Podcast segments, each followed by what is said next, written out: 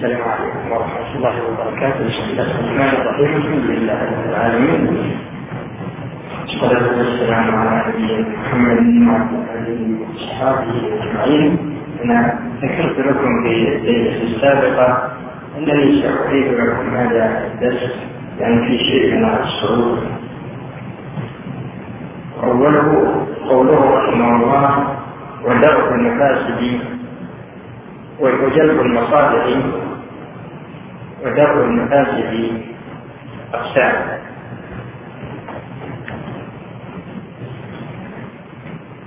أحدها ضروري والثاني حاجة والثالث تكميلي وأنا ذكرت لكم عند الكلام على هذا أن الذين تكلموا في المقاصد ذكروا أن القسم الثالث تحسين فتكون الأقسام ثلاثة ضروري وحاجي وتحسين. أما التكميلي فإنه راجع إلى الأقسام الثلاثة على ما سيأتي. ثم قال رحمه الله والضروري الأخروي يعني الضروري الأخروي يعني في ضروري دنيوي يعني في أعمال الدنيا وفي ضروري أعمال الآخرة. فيقول الضروري الأخروي في الطاعات هو فعل الواجبات وترك المحرمات. وترك المحرمات. فالأمور التي أمر الله بها في القرآن وأمر بها رسول الله صلى الله عليه وسلم في السنة مما يتعلق بعبادات هذا تجدون أنه هو ضروري وهكذا الأمور التي حرمها الله جل وعلا. ثم قال رحمه الله الحاج هو السنن المؤكدات أو المؤكدات الشعائر الظاهرات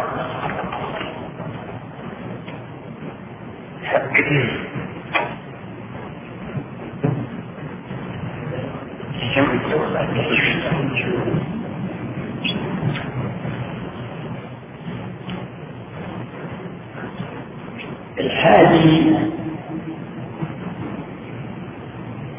هو عبارة عن جميع الرخص التي جاءت في الشريعة.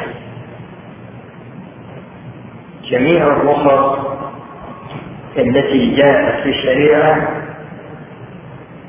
في أي باب من الأبواب هذه يقال عنها أنها حاجة يعني هي نوع من أنواع الحاجة.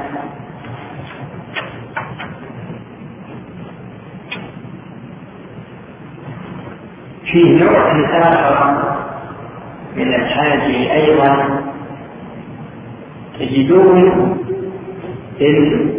المقصود من الحاجة هو الشيء الذي يكون فيه مشقة. يكون فيه يعني الناس في حاجة إليه.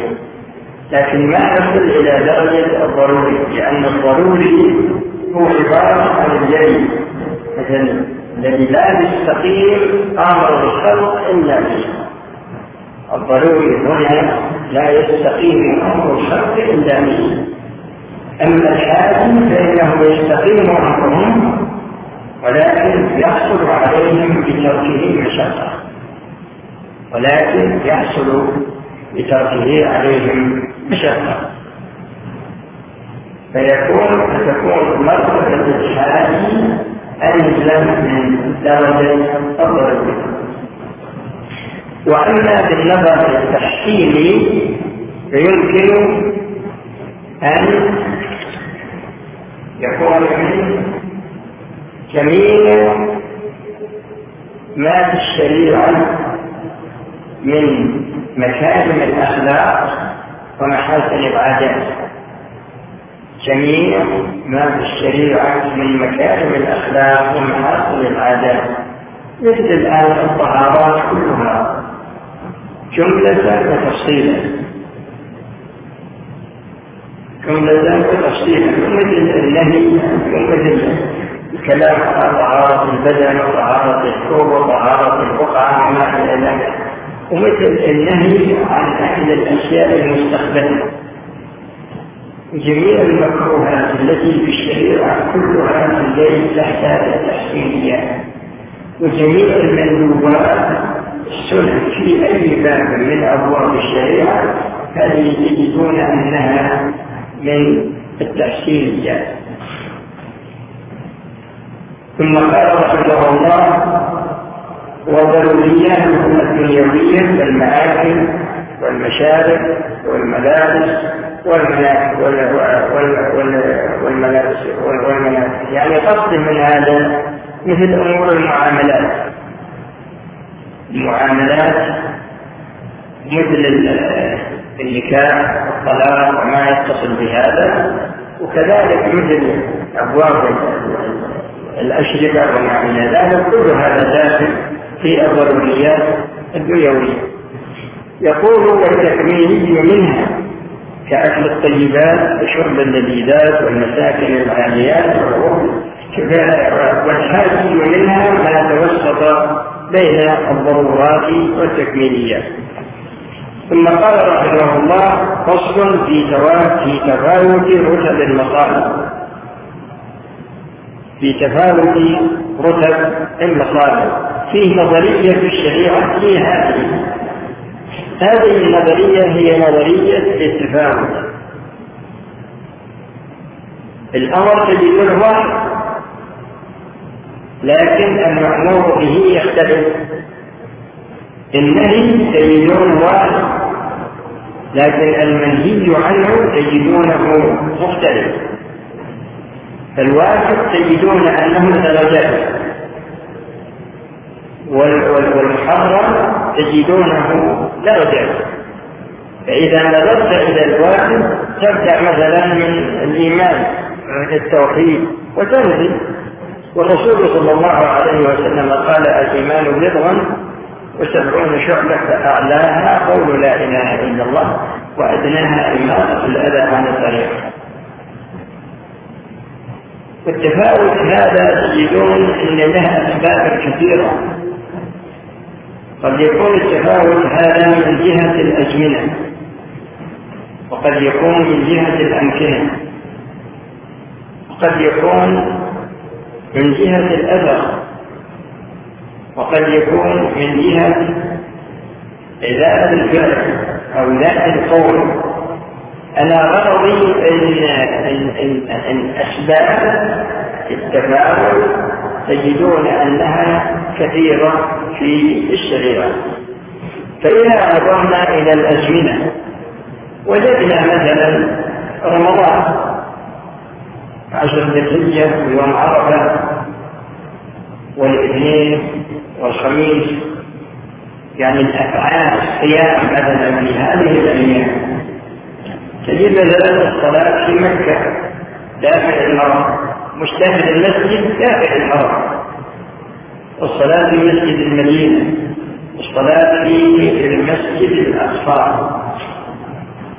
يجوز الصلوات الخمس متفاوتة الرسول صلى الله عليه وسلم يقول أكبر الصلاة على المنافقين صلاة العشاء وصلاة الفجر ولو يعلمون ما فيهما من الأجر لأتوهما ولو حبوا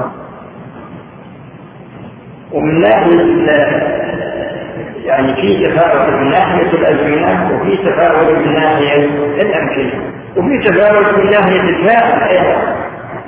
ناحية الفاعل الناس يختلفون من ناحية هيئته في حال مثلا في حال الفعل. تجد الجماعة يصلون خلف الإمام تجد اثنين يتجاوزون لكن بين صلاتيهما من الفرق كما بين السماء والأرض. فتجد إنسان يعني يصلي ويختلف بصلاة كاملة ويصلي وليس له من صلاته إلا النصف إلا الثلث إلا الربع وقد يصلي وليس له من صلاته شيء. فتجدون أن يكون فيه تفاؤل فيه تفاؤل بناء على تفاؤل الأعمال باختلاف الأسباب تأتي المصالح والمفاسد المترتبة على العمل. تأتي المصالح المترتبة على العمل وهكذا المفاسد المترتبة على العمل. المفاسد المترتبة على العمل عندك مثلا الشرك الأكبر.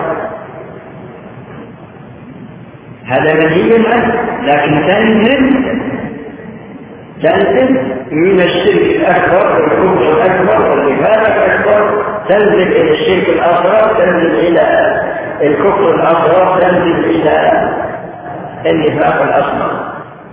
تنزل إلى صغائر الذنوب. وقد يكون فيه إصرار أو ما فيه إصرار. فكما أن باب الأوامر أو باب المأمورات متفاوت فكذلك باب المنهيات متفاوت ويترتب على هذا التفاوت تفاوت في المصالح والتفاوت في المفاسد وأنا سبق أني ذكرت لكم أن المصالح في الشريعة لها مسارات المسار الأول فعل المأمورات والمساواة الثاني ترك المنهيات فترك المنهيات مصالح وفعل المأمورات مصالح المسائل تجدون انها أيضا تاخذ من الامرين المسائل الأول ترك المأمورات بدون علم. ترك المأمورات بدون علم. وفعل المنهيات بدون علم شرط المصالح لها طريقان والمنازل لها طريقان يقول رحمه الله يقدم المصالح إلى المسلم أو إلى الحسن والاحسن والباطل والافضل كما تنقسم الفاسد إلى القبيح والاقبح والرديء والافضل ولكل واحدة منهما رتب عاليات ودانيات ومتوسطات متساويات وغير متساويات. ولا نسبة لمصالح الدنيا إلى مصالح الآخرة لأن مصالح الدنيا منقضية. ومصالح الآخرة باقية إلى ما لا نهاية له. ولهذا جاء في الحديث يؤتى بالدنيا يوم القيامة فيقول الله ألقوا. يعني كلام يؤخذ منها ما كان مبتلا به وجه الله والباقي القوم في النار يعني يؤتى بهذا فيرفع ما كان مبتلا به وجه الله منه وما لم يبتلى به وجه الله فإنه يرفع النار ولهذا جاء في الحديث الآخر الدنيا ملعونه الملعون بما فيها الا ذكر الله وحاله أو يعني الخير الا ايدينا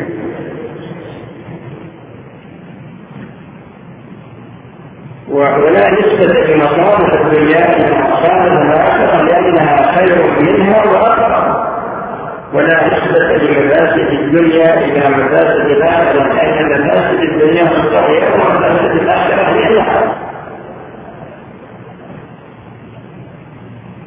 لأنها شرف منها وأكبر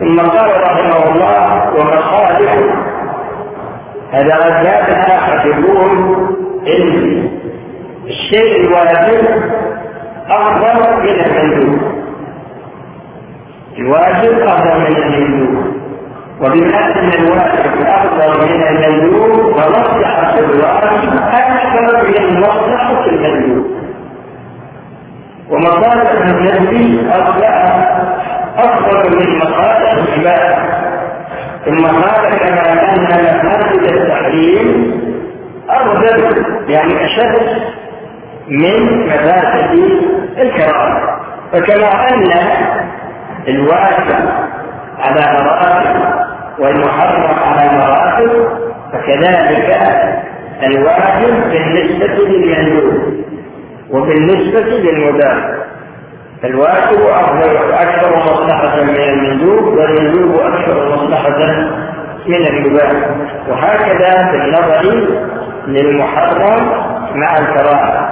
فمفاسد المحرم أكثر من مفاسد آه، المكروه.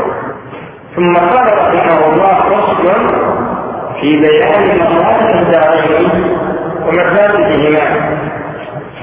هو يريد أن يبين ما هي مصالح الدنيا وما هي مصالح الآخرة وما هي مصالح مفاسد الدنيا وما هي مفاسد الآخرة. فقال رحمه الله مصالح الآخرة ثواب الإيمان يعني أن الله يدخل الإنسان الجنة ولا يخرج منها. ومعروف أن الجنة أيضا منازل الناس فيها متفاوتة منازل الناس فيها متفاوتة ومن فضل الله على إحسانه أن الله يجمع بين الأب مثلا والأم وأولادهما الذين آمنوا واتبعتهم ذريتهم بإيمان ألحقنا بهم ذريتهم. فإذا كانت منزلة الأب أو الأم مرتفعة رفع الله الأولاد معه. وإذا كانت منزلة الأولاد مرتفعة عن الأب رفع الله الأب ورفع الله الأم إلى أولادهم مصالح الآخرة ثواب الإيمان ورضا الإيمان والخبر إليه والأنس بجواره والتلذذ بقربه وخطابه وتكليمه. كل هذه مصالح الآخرة. ومفاسد الآخرة عذاب النيرة وسخط الديان والحجب على الرحمن تعالى وتوبيخه ولعنه وطرده وإبعاده وخسفه وإهانته. كل هذه الأمور يعني هذه مفاسد بالنسبة لمن مات على الكفر والعياذ بالله أو على الشرك الأكبر أو على النفاق الأكبر. أما بالنظر إلى أصحاب المعاصي كبائر الذنوب فهؤلاء تحت مشيئة الله إن شاء عفى عنهم وإن شاء عذبهم وطهرهم وبعد تطهيرهم يكون مآلهم إلى النار إلا بالنظر للشرك الأصغر فإن الشرك الأصغر لا يكفر لكن ما أن يؤخذ من حسنات صاحبه. بقدر ما وقع منه من الشرك. وإما أن يدخله الله النار ويطهره ومآله إلى الجنة. ثم قال رحمه الله ولا تبع أسباب مصالح الآخرة ومفاسدها إلا في الدنيا. إلا الشفاعة. يقول رحمه الله هذه المصالح التي ذكرتها وهذه المفاسد التي ذكرتها. المصالح أسبابها في الدنيا. أسبابها هي المأمورات. وترك المحرمات فإذا فعلت المأمورات وتركت المحرمات فقد أتيت بأسباب مصالح الآخرة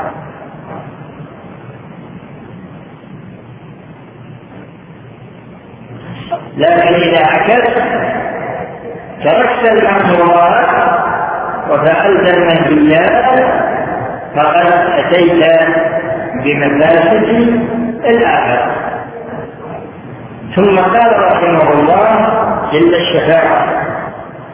يعني الشفاعة التي شرعها الله جل وعلا في الآخرة. لأن في هذه المناسبة الإنسان إذا كان عليه سيئات بس ما تصل إلى درجة الكفر. لأن الكفر نعوذ بالله أو الشرك الأكبر أو النفاق الأكبر. إذا مات عليه الإنسان هذا ما يكون لكن بالنظر إلى من دون ذلك. وكذلك الشرك الأصغر ما يكون كما ذكرت لكن بالنظر إلى كبائر الذنوب هل تجدون إن فيه أسباب كثيرة تكفرها من هذه الأسباب من هذه الأسباب الابتلاء الذي يأتي الإنسان في الدنيا. ولهذا جاء في الحديث إن العبد لتكون له المنزلة في الجنة لا ينالها إلا على بلد تصيبه فقد ابتلى في بدنه في سمع في لسان في سائر جسده ويكون في تكفير حتى يلقى الله وليس عليه خطيئة. لأن جاء في الحديث إذا أحب الله عبدا أصابه يعني إذا أحبه أصاب منه يعني أصابه بأمور يبتليه بها. وذلك من أجل أن يلقى الله وليس عليه خطيئة. ولهذا جاء في الحديث شد الناس بلاء الأنبياء ثم الأمثل فالأمثل. ثم الأمثل فالأمثل. وقد مثلا يكون في القبر. يكون في القبر. وقد يكون في مواقف القيامة.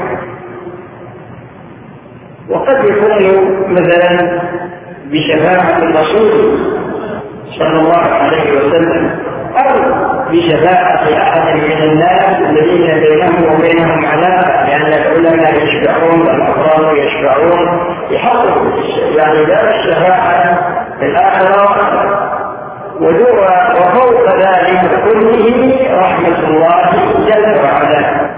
فيه أسباب كثيرة أشار إليها هنا الكلمة إلا الشفاعة ثم قال ولا وصول المصائب هكذا ومفاسدها إلا من الموت يعني يقول الإنسان يستغل من الدنيا يصوم ويصلي يعني يفعل المأمورات ويترك المحرمات لكن ما يقطع له بدخول الجنة.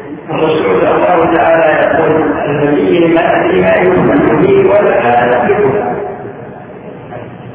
وقال صلى الله عليه وسلم لن يدخل أحد الجنة بعمله قالوا حتى انت يا رسول الله. قال حتى أنا الا ان يتغمدني الله برحمته فما يقطع لأحد بأنه من أهل النار أو من أهل الجنة إلا في حال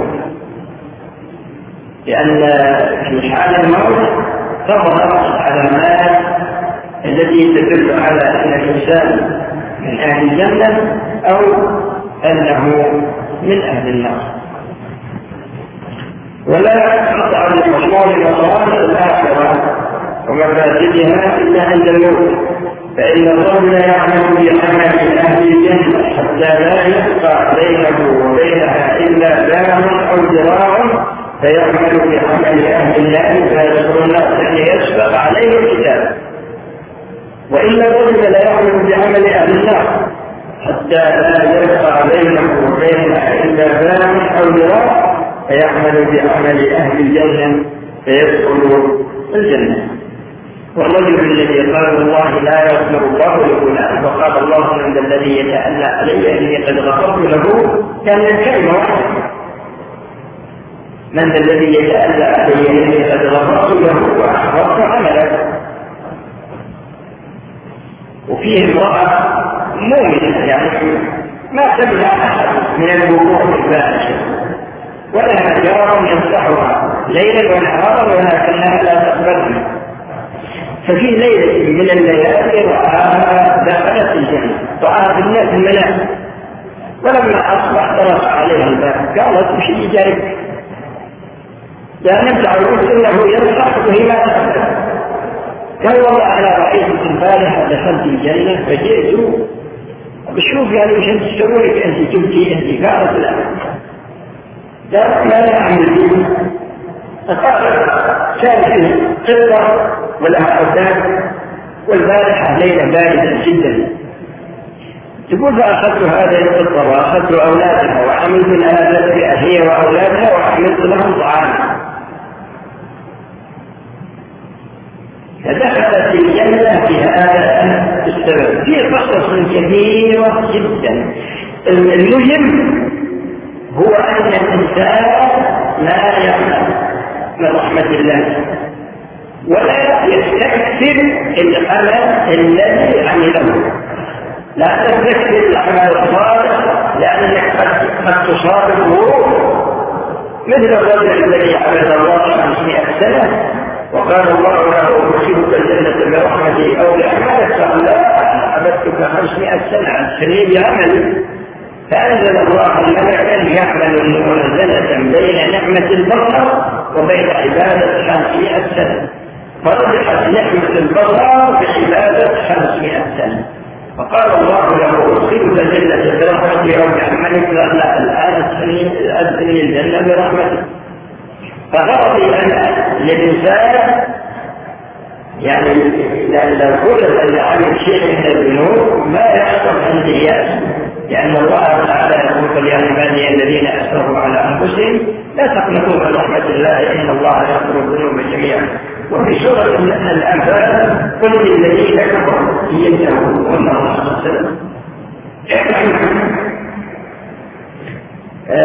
بعد أن يقول رحمه الله وأحمد مقام الجسم ومثالبها تنقسم إلى مقطوع ومفهوم إلى مقطوع ومظلوم ومفهوم يقول إن مقام الدنيا يدركها الإنسان يدركها الإنسان.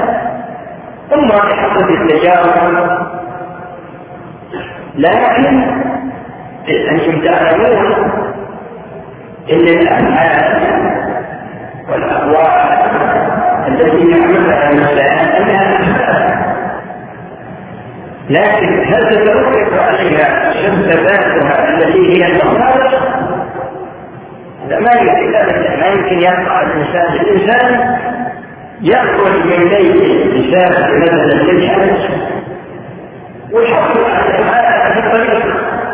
ما يمشي ما ما يريد الحج وقد يكمل الحج قد يكمل الحج يخرج من بيته يبيع ويشتري مثل الاسهم واحد على أيام في حركة راقية خسر 900 مليون. يعني في مضاعفه فتجدون ان مصالح الدنيا منها أشياء مثل الآن الأشياء الجبلية مثل الآن كونك تشرب تحس بالرزق كونك تأكل. تحس بالشبع فإحساسك بالرزق وإحساسك بالشبع هذه مصادر سنوية لكن هذه أمور جبلية فهذه مقطوع بها فالمقصود أن الأسباب التي تعملها مسبباتها إما أن تقع وإما أن تقع ظنا وإما أن تكون موهومة بمعنى أنك تظن أنها تتوقع أنها تقع ولكن ما يقع وأما الصادق الدنيا وتفاسدها فتنقسم إلى منطوق ومضمون أمثلة ذلك الجهد والشبه والغيب والعطش والعلم والامتثال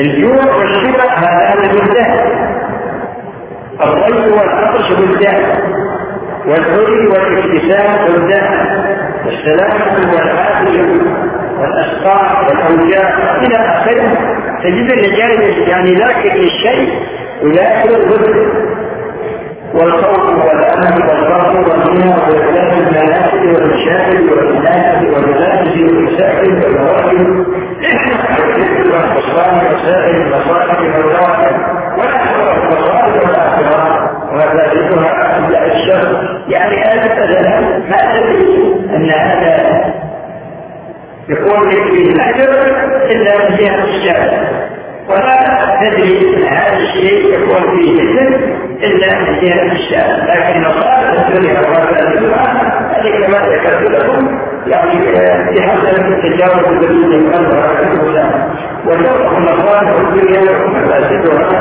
التجارب ومن هذا منتهى هذا الدرس. ونقف على هذا الدرس. على فصل فيما يبنى عليه المصالح والمفاسد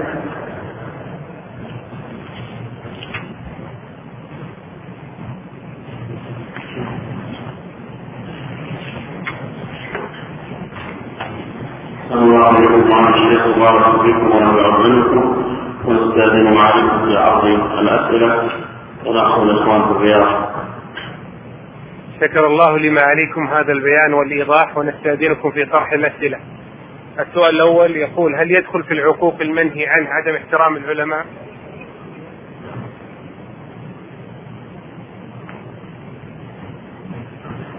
الجواب النفوس نفوس بني آدم. منها نفوس تثمر ثمرات طيبة ومنها نفوس تثمر ثمار رديئة وإلا خبيثة. بعض الناس تكون نفسه يعني تسمى بعدوانية. ومعنى كونها عدوانية أن نفسه ما ترتاح إلا إذا كان يشتغل في أذى الناس سواء كان الأذى بالقول أو كان الأذى بالفعل. لا ينبسط لذلك يتكلم في الناس ولا يريهم بفعله هذا السؤال الذي عنه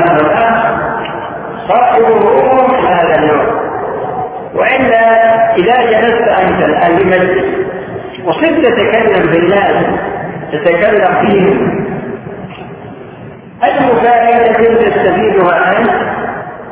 وأي فائده يستفيدها المستمع؟ هذا من جهة. ومن جهة أخرى ما هي منزلتك أنت؟ من منزلة الشخص الذي تتكلم فيه؟ أنا ذكرت فيما سبق. قلت في الحرم قالوا هذا مش رأيك شيخ الإسلام. قلت طيب أنت الآن في القرن الخامس عشر؟ وشيخ الإسلام مثال وشيخ الإسلام ألف أشاهد الله وأنت الآن وش قدمت للمسلمين علشان أنك الآن تبي تدري الإسلام في فكرك مش حضرتك أنت. كان بشرائع بن عبد السلام. صاحب الكتاب هذا. ثالث يقول بشرائع الشيخ وماشي يعني هذه فتنة يفتتن فيها الإنسان بما أن الإنسان تكون له منزلة الجنة. لا ينالها إلا على غير تصيبه. قد تكون له منزلة في النار. لا ينالها إلا على عمل يعمله. فالإنسان ما يحب نفسا يربي نفسه على الكلام في أعراض الناس. بصرف النظر يكون الشخص غني فقير عالم جاهل كبير إلى آخره. ثم إن الإنسان عندما يؤول لسانه على صفة يحتاج هذه الصفة. يعتاد هذه الصفة لأن التربية لها تأثير من ناحية إنسان الشخص أضرب لكم مثل واحد. ضرب أباه ضربا مبرحا أبوها يشتكي. حولت إلى القاضي. القاضي نفسه ما أخذ القضية على على يعني على ظاهرها. سأل الأب قال ابنك هذا وش الشرط الذي أنت جعلته فيه؟ قال والله هذا يسقي عندي المزرعة على بقر يعني يسق بقر في يعطيه هو ضربة على أساس أنه يملك الثيران ويحسب أنك واحد منه فالتربية ولهذا ما كثير من الناس ما ينتبه لا لتربية نفسه ولا لتربية من تحت يده التربية هذه لها تأثير عظيم. فتأثير تربية الإنسان مثلا على تناوله تربية الإنسان على سماع القرآن. تربية الإنسان مثلا على أنه إذا جلس قام يستعرض الناس فلان فيه وفلان فيه وفلان كذا وفلان كذا وفلان كذا. وبعض الناس مجالس تجد أنها مملوءة بالذكر فغرضي أنا أن الإنسان. يعني يحرص بقدر الاستطاعة أنه ما يتلقى بشيء يسأله الله عنه. نعم. جزاك الله خير. وهذا سائل يقول هل يشفع هل يشفع الأنبياء لأممهم أم أن الشفاعة خاصة بالنبي محمد صلى الله عليه وسلم؟ وما الفرق بين شفاعة النبي وشفاعة الشهيد في أهل بيته؟ الجواب الشفاعة سبب من الأسباب الشفاعة سبب من الأسباب ولها شرطان إذن الله للشافع ورضاه عن المشروع وشفاعة الرسول صلى الله عليه وسلم بحسب منزلته. ولهذا هي كلام كثير لكن ولهذا من أعظم الشفاعات الرسول أنه إذا تبرأ جميع الرسل يقول هذا آدم ونوح وإبراهيم وموسى وعيسى يتبرؤون من الشفاعة للخلق في أن يحاسب على الله لأن يقول يقول يقول ومن لا يستمع إلى الرسول صلى الله عليه وسلم حديث الشفاعة فيشفع فيفتح الله له فيحاسبه وقل أن أيضا يشفع لأهل الجنة من دخول الجنة الرسول له شفاعات ما ليست لغيره المقصود أن الشفاعة تفعل لكن الشافع هذا يختلف يعني يختلف عن ذلك مكان الشيء الذي يشفع فيه نعم جزاكم الله خيرا. وهذا سائل يقول هل تكفي النفقة على الأهل عن غيرها من النفقات الأخرى؟ هل تكفي النفقة على الأهل عن غيرها من النفقات الأخرى؟ وش هالسؤال هذا؟ وش النفقات الأخرى؟ الإنسان عليه نفقات واجبة على زوجته لأمه لأبيه لأولاده هذه نفقة واجبة ما من الإشكال لكن إذا أراد أن يتفضل على أحد منهم هذا أمر إليه لأن تركيب السؤال نعم. جزاكم الله خيرا ولعلنا نختم بهذا السؤال. هل حديث هل الحديث الذي جاء عن الرسول صلى الله عليه وسلم لا تضربوا دماء الله؟ ينسخ الآية الكريمة آية ينسخ الآية ضرب النساء في حالة نشوزهن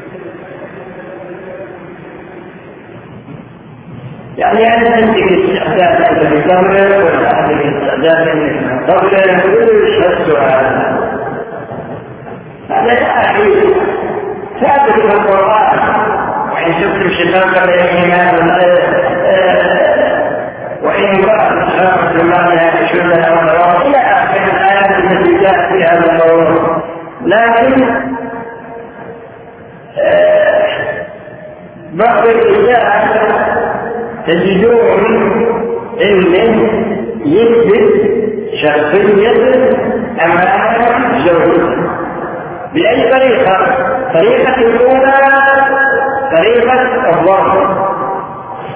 تقول المرأة تقول إن زوجي يقلب يدي ورجلي ويجعلني في الشمس ويضربني ويضحك. إذا جاء من العبد تجد المشاهدة كانت فيه. إذا قال فإنهم كذبوه بهذا الأدب فيه صبر على الزوج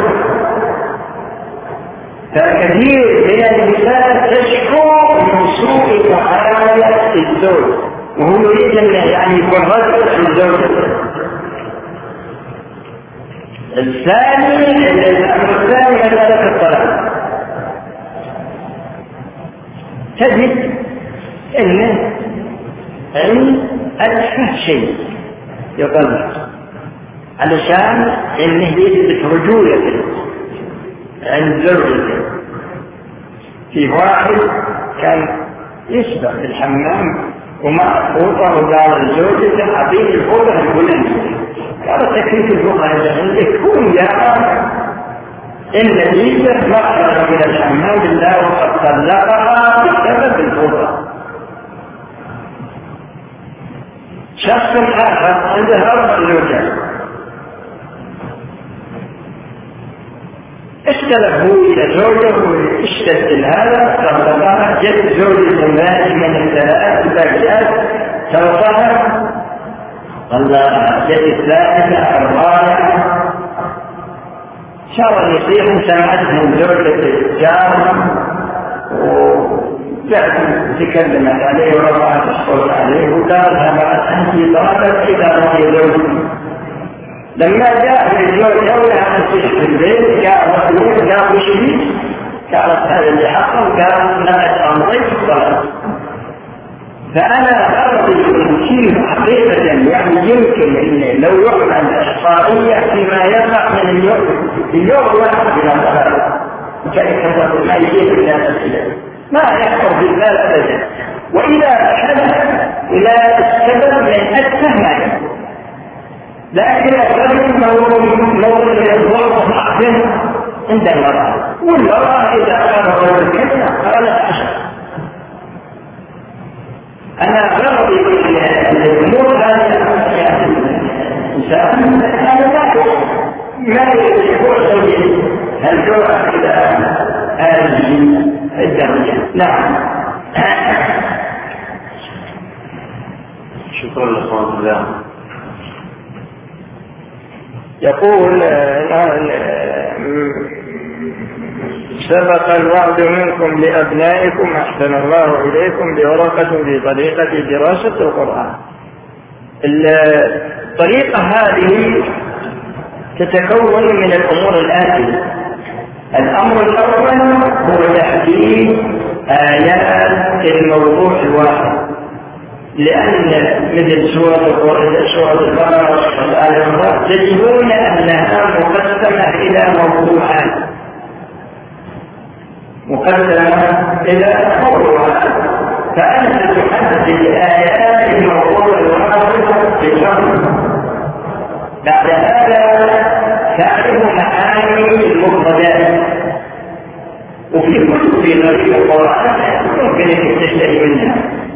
ثم تعرف سبب النزول ثم تعرف هذه الآيات دخل عنها أم لا ثم تعرف معاني الجمل على حسب علامات الوضع على حسب علامات الوضع ثم تعرف العلاقة بين هذه الجمل وهذا علم المناسبات ثم تعرف المعنى العام للآيات ثم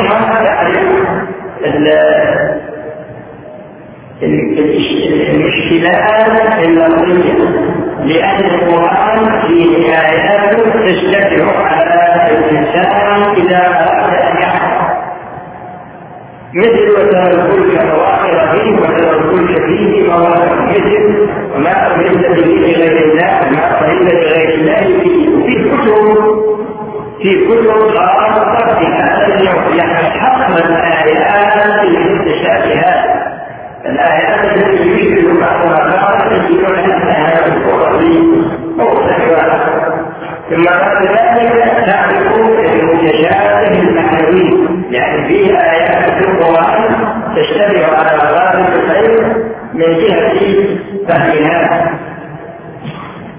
فمن ذلك قوله جل وعلا فيومئذ لا يسأل عن ذنبه إنس ولا جن مع قوله جل وعلا وقفوهم إنهم مسؤولون مسؤولون مزيد فلا نسألن الذين أرسل إليهم ولا نسألن المرسلين يعني فيه ما يدل على نفس السؤال وفيه ما يدل على إثبات السؤال.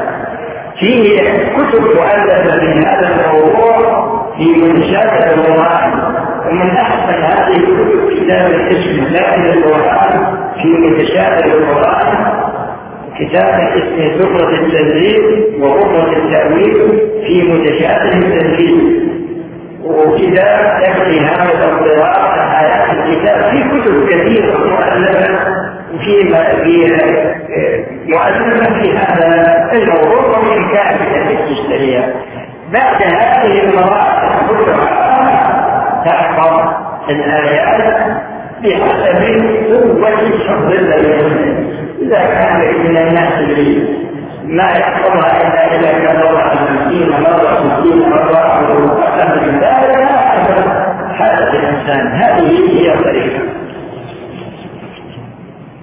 يقول كتب الأصول المرجعية كثيرة ولكل كتاب مزايا ونرجو من فضيلتكم الإشارة إلى أجمع الكتب وأنفعها في هذا الفن لمن يريد البحث والدراسة. أنا كل مسائل هذا الموضوع أنا أقول للشخص اللي يكون اتجاه إلى دراسة الأصول يكون مسألة مسألة ما يقول أنا أدرس هذا الكتاب وأكون قد استوفيت هذا العلم. كثير من الكتب تجد فيها ما لا تجد في الآخر أنا كان في ذهني مشكلة علي من قديم ولا رأيت في الكتب التي قرأتها ودرستها ولكن ما رأيت فيها شيء أبعد عن هذا الموضوع. وقلت واحد من العلماء لي السؤال انت هذا عندي إشكال فيه من قديم قلت لي جزاك الله خير. قال إن شاء الله اشوفك يعني نتناقش فيه. سبحان الله كان في بعض الناس يقرؤون عليه في بعض الكتب. فما شعرت إلا أن الطالب يقرأ القران عن نفس الإشكال الذي فيه. فغرضي أنا أن الواحد ما يقتصر على كتاب واحد من الكتب لكن يدرس المسائل مساله مساله مع إن العلم هذا يعني يحتاج إلى فترة طويلة لأن قد مثلا الإنسان يقول والله أنا ابي كتاب اجتهد فيه شهر ولا شهرين ولا سنه لا. هذا جهه من جهه الله قيمه علم الاصول يعني استخدامه من ناحية الاستنباط من القرآن والسنة. هذا من جهة. ومن جهة ثانية رد الحكم المستنبط من القرآن ومن السنة. الفقه المستنبط رده إلى أهل على أهل القرآن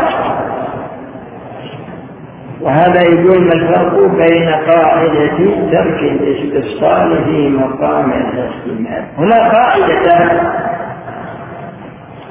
في إذا تطرق الاحتمال بطل الاستدلال. هذه قاعدة. القاعدة الثانية ترك الاستفصال في مقام الإجمال ينزل منزلة العموم في المقام. ينزل منزلة العموم في المقام.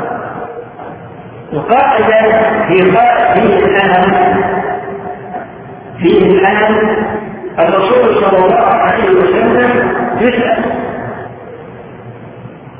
ويجيب ولا يستقبل وتكون هذه المسألة يتفرع عنها مسائل لكن الرسول صلى الله عليه وسلم ما استصغر فهذه هي التي يقول فيها العلماء ترك الاستصغار في مقام الإجمال ينزل منزلة العموم في المقام. يكون مثال الرجل الذي دخل المسجد وقد فاتته الصلاة. هذا السبب هو من الخلق يعني هو من يعني هل هذا يعني سبب جهة وعند الرسول صلى الله عليه وسلم قال الكلام بدون استصغار يعني بدون سبب. يعني هل قال هذا الكلام؟ لما قال يتصدق على هذا هذا الكلام هل جاء عن الرسول صلى الله عليه وسلم بدون سبب أو بسبب؟ الجواب جاء بسبب والسبب هو دخول هذا الرجل الذي لا المصلحه لكن يبقى عندنا الان يبقى عندنا الان الرسول صلى الله عليه وسلم لم يقل له انتظر حتى يأتي من يتصدق عليه. وبناء على ذلك إذا دخلت المسجد ووجدت شخصا منفردا يصلي فلا مانع من أن تدخل معه ويحول نيته من كونه مع من كونه منفردا إلى كونه اماما ولم يقل الرسول صلى الله عليه وسلم كن اماما يعني المنفرد هذا ما كل ما ولا الشخص الذي سيتصدر عليه كل ما فأخذوا من هذا جواز اقتداء المتنافس المبتدأ بالمتنفس أنا فرق أن العلماء أخذوا منها جملة من الأحكام. فهذا الذي يقال فيه ترك الاستفسار في ترك الاستفسار في مقام الإجمال ينزل منزلة العموم في المقام. أما إذا تطرق الاجتماع فقد الاستدلال هذا في المدلة التي جاءت ابتداء ليس لها سبب. جاء دليل من المراد يحتمل نقلين أو ثلاثة لكن ما السبب جاء حديث الرسول صلى الله عليه وسلم. هذا هو الذي بعده علماء الأصول في باب الاجمال وذكروا ما يعني الأشياء التي تتعلم من ناحيه البيان فهنا قواعد مختلفتان كما بينت لكم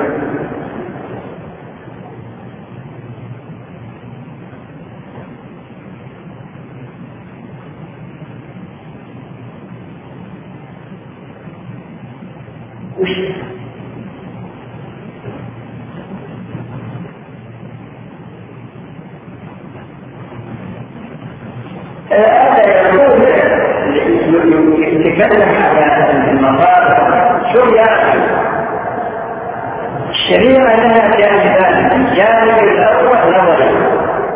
والجانب الثاني تقليدي. والتقليدي هذا لا يمكن إلا على الجزئيات فإذا وقعت المسألة إذا وقعت المسألة عند ذلك ينظر إليها هذه المسألة لم تكون أو مسألة محضة أو مشتملة على مصلحة ومسألة والمصلحة الأرجح أو مشتملة على مصلحة ومسألة والمسألة الأرجح أو مشتملة على مصلحة ومسألة ولكنهما متساويتان وهذه الصورة الثالثة هذه هي التي يقول بها العلماء درء المفاسد مقدما على جلب المصالح وقد تكون على مرحلتين لا بد من تفويض إحداهما هذه أن تكون مرضى رابعة ومرضى مرضوعة فأنت تأخذ بالمرضى الرابعة والخروج بالمرضى المرجوعة وإذا تساوت المرضى فأنت تتخيل بالأخذ بشيء مسجد وإذا كانت الواقع محتملة إلى السببين لا بد من لا بد من ارتجاء احداهما فانك تنظر إذا كان في مادة الراس ومادة المنظورة هم من مادة المنظورة بتجدد المادة الرابعة واذا كانت المسندان التزام يديه ولا بد من ارتجاء احداهما فأنت مخير بذلك هذه الستة صور لا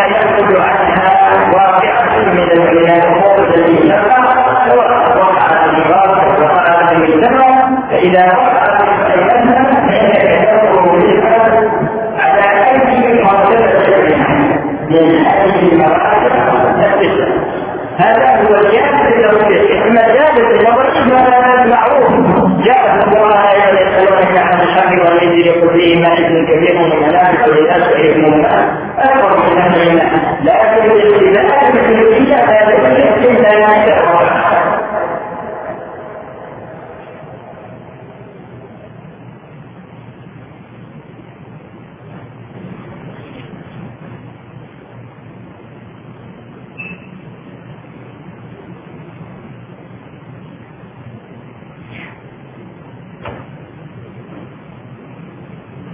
يقول جاء في سورة الواقع يقول يا بني الناس عن العبد الماضي والمسلمان السؤال هذه موجودة مثل الآن المبتدعة الذين يشاركون بها يعبدون الله فيها ما أنزل الله بها من سلطان تكون هذه البدع مثل ما يعمله بعض الصوفية هنا إلى ذلك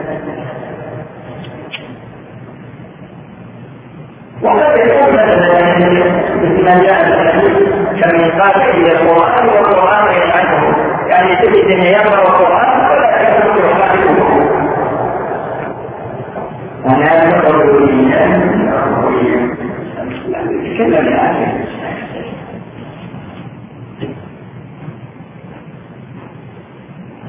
ما خلق الزوج والرسول الزوج الامام احمد والرسول صلى الله عليه وسلم يقول من الدنيا يحبك الامر الذي من عند الناس يحبك الناس لكن الكلام التطبيق أو بكلام كلام في التطبيق العمل فيه رجل كان يخطب بالجمعه وينصح الناس على والصحه جعل يدعو الله عن مره يسمع إلى إلى ويأكل الكفر حتى حاجة بالشارع وكل من مر من الناس لا يتفضل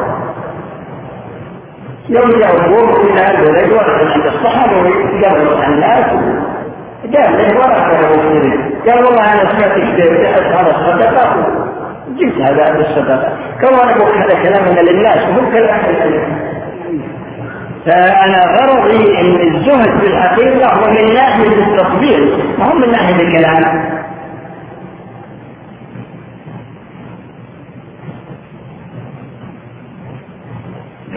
وهذا يقول ما هي الوسائل؟ الوسائل لمحبة الله تصور ولا يقول الله جل وعلا في الحديث القدسي ولا يزال عبدي يتقرب إلي بالنوافل حتى أحب فإذا أحببته كنت سمعه الذي يسمع يعني قصده أنك أديت الفرائض كلها ثم ارتقيت إلى النوافل.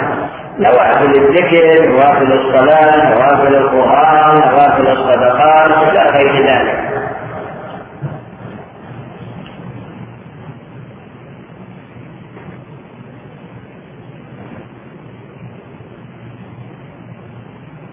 وهذا يقول لا يمس القرآن إلا طاهر. يا أخي طاهر من الحدث الأكبر والأصغر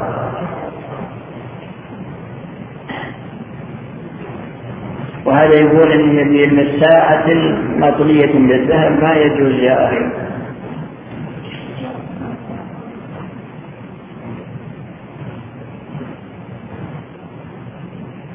إيش هذا السؤال هذا يقول الحمد لله تواضع كل شيء لعظمته الحمد لله الذي استسلم كل شيء لقدرته الحمد لله الذي ذل كل شيء لعزته الحمد لله الذي خلق كل شيء لملكه. من قاله مرة واحدة سخر الله له سبعين ألف ملك. يا أخي هذا من الأحاديث الموضوعة.